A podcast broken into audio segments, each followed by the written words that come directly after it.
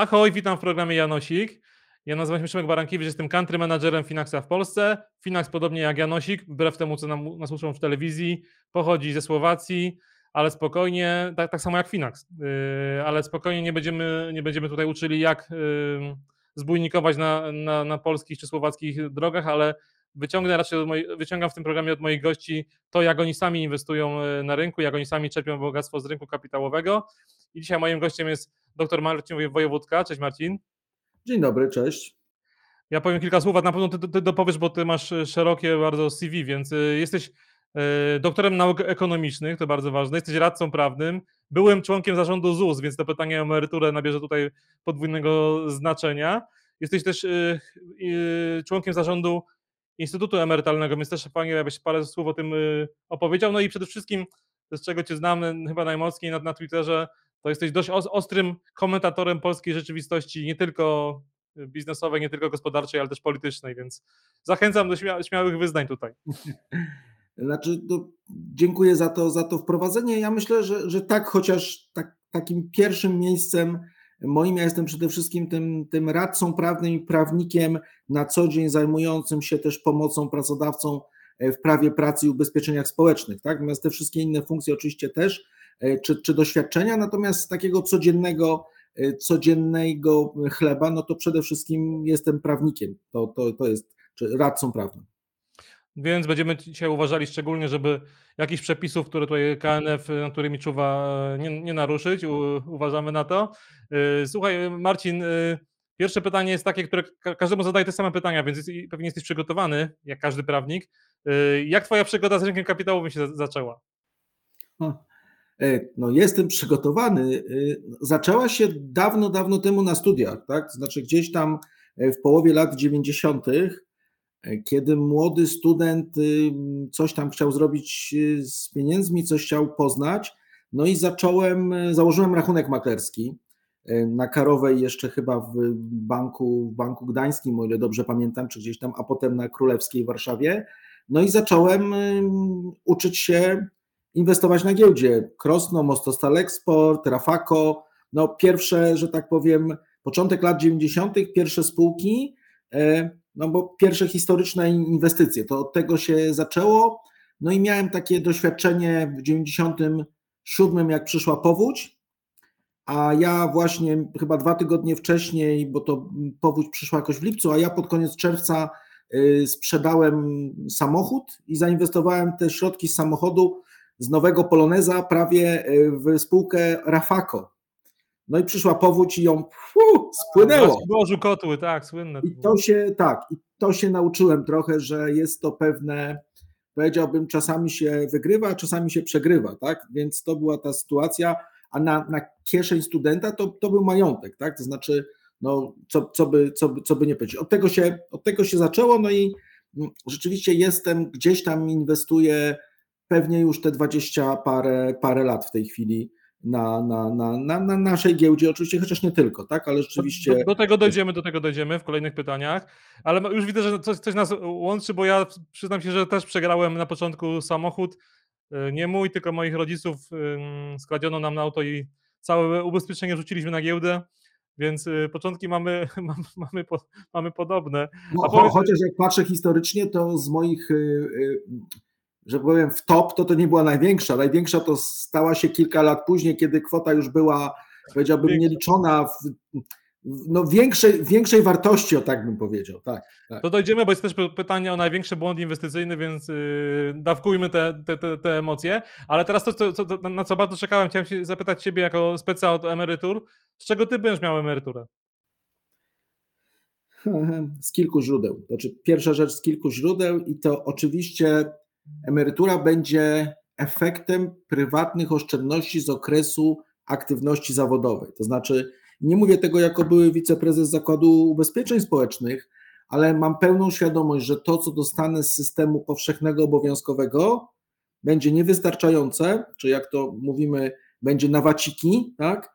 Więc muszę w okresie aktywności zawodowej oszczędzać, odkładać na ten okres no, jesieni życia. No i teraz odpowiadając precyzyjnie na pytanie, z czego będę żył na emeryturze, no pewnie będę żył z nieruchomości, które gdzieś tam po drodze obejmuje. Pewnie będę żył z tych inwestycji giełdowych w Polsce i za granicą, czy z różnych programów, w których uczestniczę.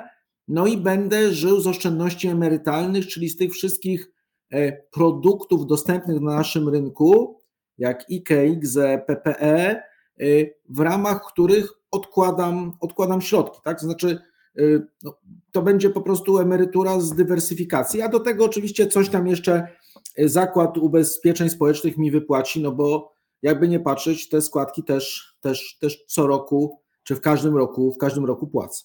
Tak, tak to będzie wyglądało w praktyce.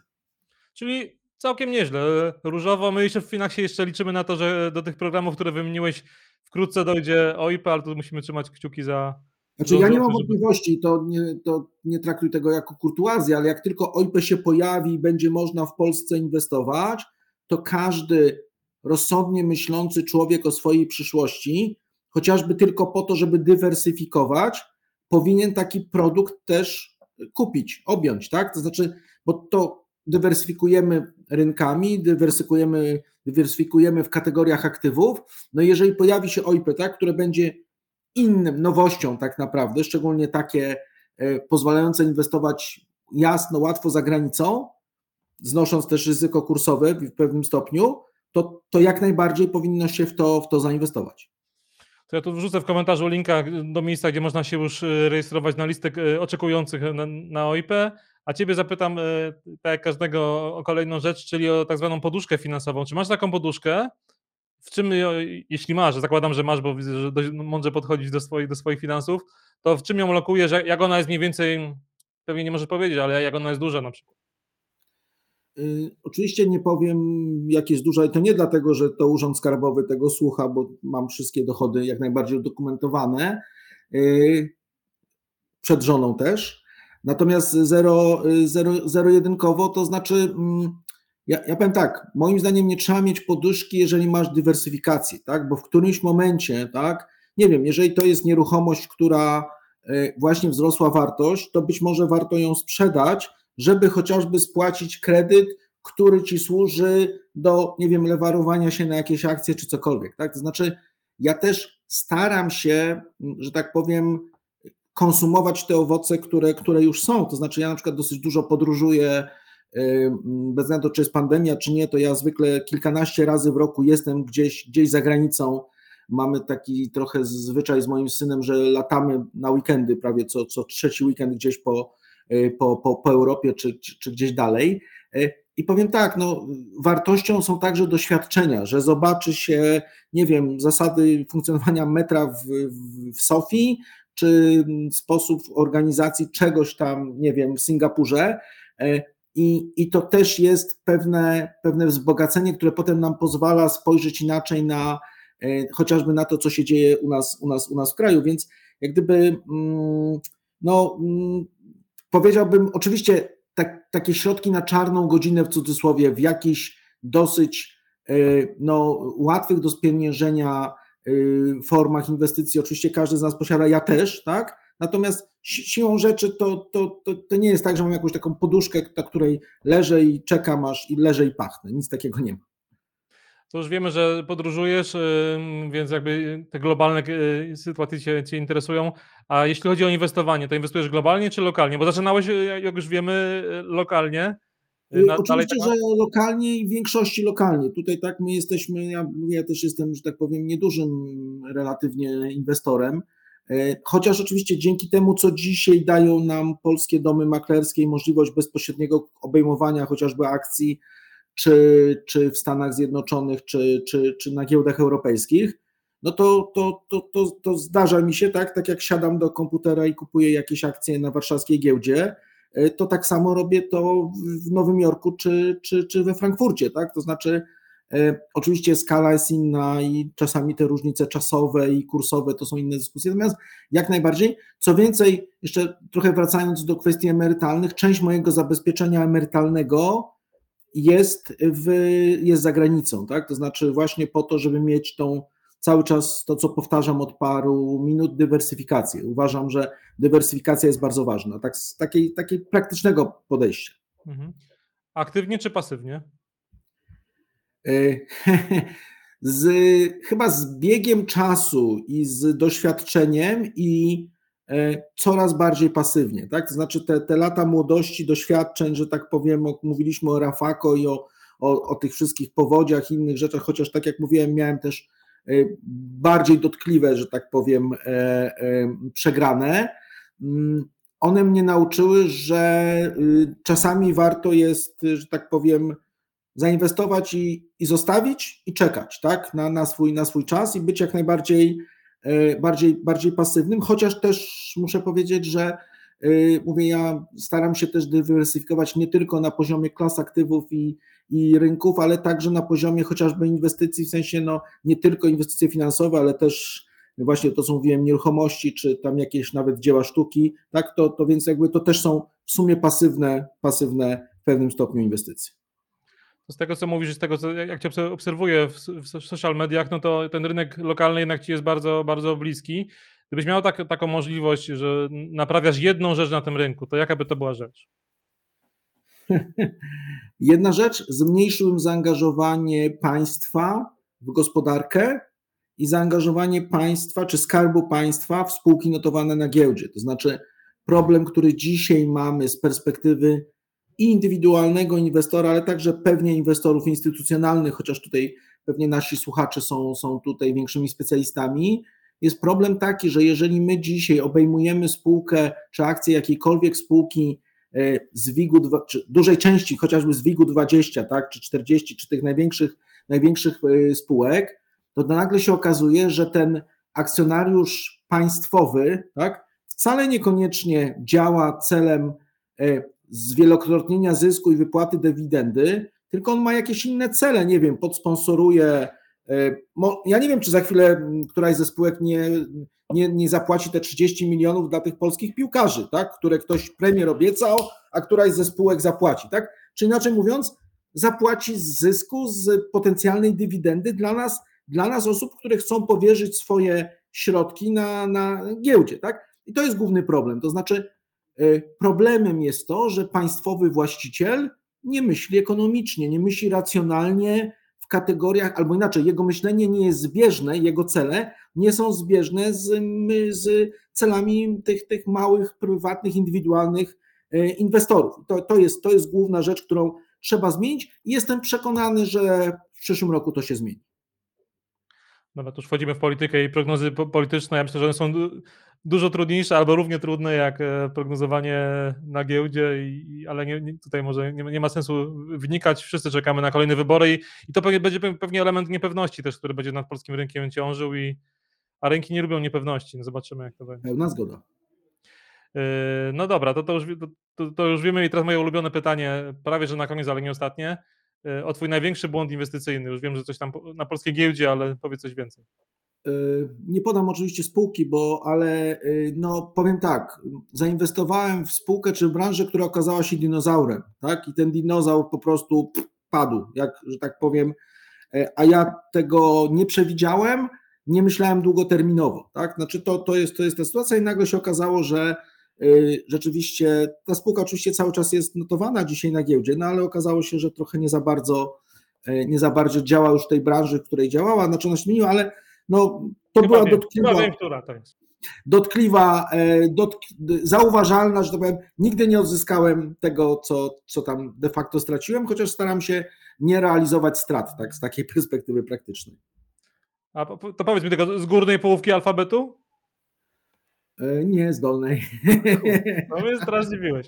To mnie teraz zdziwiłeś. E, czyli co, czyli, czyli analizując próbujemy przewidzieć pewne trendy, które, które nie, trudno ale przewidzieć. To, to nawet to, ale to, żeby wziąć z górnej, akurat to nie o tej spółki, ale no proszę zobaczyć, znaczy kto 20 lat temu przewidywał, że taka spółka, która wydaje najbardziej poczytne gazety, tak, nagle się okaże, że traci na papierowych wydaniach. Tak, jak mówię, to akurat nie jest ta mhm. spółka, ale to są, to są dokładnie tego rzeczy. Znaczy, no czasami też po to między innymi potrzebujemy tych profesjonalistów, którzy za nas pomyślą, widzą strategicznie, widzą na lata do, do na, na, przyszłość, tak, że, e, że są, są branże, z których po prostu nie ma co, w których nie ma co inwestować, tak, bo one się być może nawet dzisiaj pokazują fajne wyniki, ale za chwilę tego, tego, tego nie będzie, tak. E, wiem, doświadczyłem tego, jestem mądrzejszy o to doświadczenie. I tu też pomaga ta dywersyfikacja, o której mówiłeś, więc to jest, to jest, to jest bardzo, bardzo ważne. A książka, poleć, poleć na końcu książkę, bo nas słuchają nie tylko tacy zawodowcy, trochę jak ty, ale też ludzie, którzy dopiero początkują. Jakbyś miał polecić jakąś jedną pozycję książkową, to, to co by to było? No, nie wiem, czy cię zaskoczę, ale poleciłbym coś z literatury pięknej. Zaskoczyłeś. I to y, Aleksandra Dima, a dokładnie hrabiego Monte Cristo. Dlaczego? Jak się dobrze wczytać, tam jest piękna historia o manipulacjach giełdowych. Tam jest historia o tym, jak informacja w odpowiednim czasie, w odpowiedni sposób przekazana albo nieprzekazana potrafi kogoś wynieść na szczyty albo wręcz odwrotnie zrujnować. Tak? I myślę, że to jest też e, bardzo ważne dzisiaj, żebyśmy mieli tą świadomość, że te narzędzia, tak, no jakby nie patrzeć, przecież to jest e, nie dość, że historia dzieje się ponad 200 lat temu, a książka jest, jakby nie patrzeć, też e, no, z nie naszego stulecia, delikatnie mówiąc, to te mechanizmy, tak, informacji na rynku, dostępu do niej, one dalej pozostają, pozostają aktualne. Sam w swoich późniejszych y, osiągnięciach, że tak powiem, życiowych, także zawodowych, ale także właśnie tych, nazwijmy sobie, na rynku finansowym, wiem, jak bardzo ważna jest informacja i odpowiednie za użycie jej, bądź właśnie nieużycie w odpowiednim czasie. Aleksander Dima, hrabia Monte Cristo. Wspaniała książka. Ja powiem Ci, że to była pierwsza książka, którą wykorzystałem, jak się zaczął COVID i było, było to zamknięcie zacząłem czytać książki i to była pierwsza, z której zaległa, którą gdzieś tam miałem w pamięci i którą, którą e, przeczytałem, ale faktycznie o, o, tej, o tej strony do niej nie podchodziłem, a to jest no, no, no prawda, dlatego na przykład przenosząc na, na dzisiejsze realia, apelujemy do wszystkich e, oglądających czy słuchających, żebyście nam dali kciuka w górę, bo jeśli będzie ten kciuk w górę, będzie ich dużo, to, to, to YouTube i inne media przekażą tą informację dalej, więc jesteśmy zakładnikami ciągle tych kanałów informacyjnych. Wtedy to byli, pamiętam, yy, posłańcy konni, oni tam gdzieś yy, te, te, informacje z pola bitwy chyba przekazywali, prawda? Yy, to jest jedna rzecz, ale tam był też taki system telegrafów, Racja. który przekazywał informacje, tak? No i tam w którymś momencie, to żeby zaciekawić naszych słuchających, żeby wrócili do, do hrabiego Monte Cristo, to tam w którymś momencie gdzieś jest manipulacja na jednym z telegrafów, tak?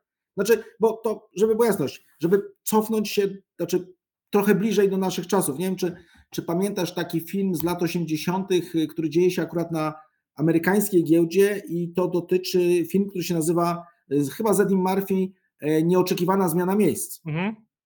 I dokładnie podobny mechanizm jest zastosowany też informacji, tak, która ma wpływ na rynek, ma, ma wpływ na, na to, co się dzieje na giełdzie, Y, także w filmie Nieoczekiwana zmiana miejsc. Więc no, podsumowując, do, do lektury hrabia Monte Cristo, a na wieczorny film Nieoczekiwana zmiana miejsc, to, to jest dobre na, z perspektywy osób inwestujących. Potwierdzam. Ten, ten, film jest często w rankingach takich top 10 naj, najciekawszych filmów o, o, giełdzie i nieoczywistych filmów o, o, giełdzie, więc, więc, więc warto. Jak, jak, ktoś nie, jak ktoś szuka więcej pozycji, to my mamy też na blogu, na Finaxie 10 fajnych y, filmów o inwestowaniu, więc, więc zachęcam. Marcin, bardzo Ci dziękuję. Potwierdziłeś, albo inaczej, przekonałeś mnie, że prawnik jednak może być y, ciekawym rozmówcą, bo do tej pory miałem trochę inne, inne mam nadzieję, że nikt się nie obrazi, ale miałem inne wrażenia, więc, więc nigdy mi się tak, tak fajnie i ciekawie z prawnikiem y, nie rozmawiało, nie musi być wcale, wcale nudno. Bardzo Ci dziękuję. Jak Wam się podobało, to dajcie kciuka w górę. Subskrybujcie na, nasz kanał na, na, na YouTubie, w aplikacjach podcastowych, bo tam wszędzie jest, jesteśmy. No i cóż, Marcin, no do, dobrego inwestowania i walki o te emerytury, które yy, miejmy nadzieję no nie będą takie głodowe. Szybko, szybko OIP wdrożyć, bo myślę, że to jest dobry pomysł. Dzięki wielkie. Pomo wiem, że nam trochę masz zamiar w tym pomóc, więc, więc trzymam Cię za, za słowo. Dzięki. Dobrze. Dziękuję bardzo.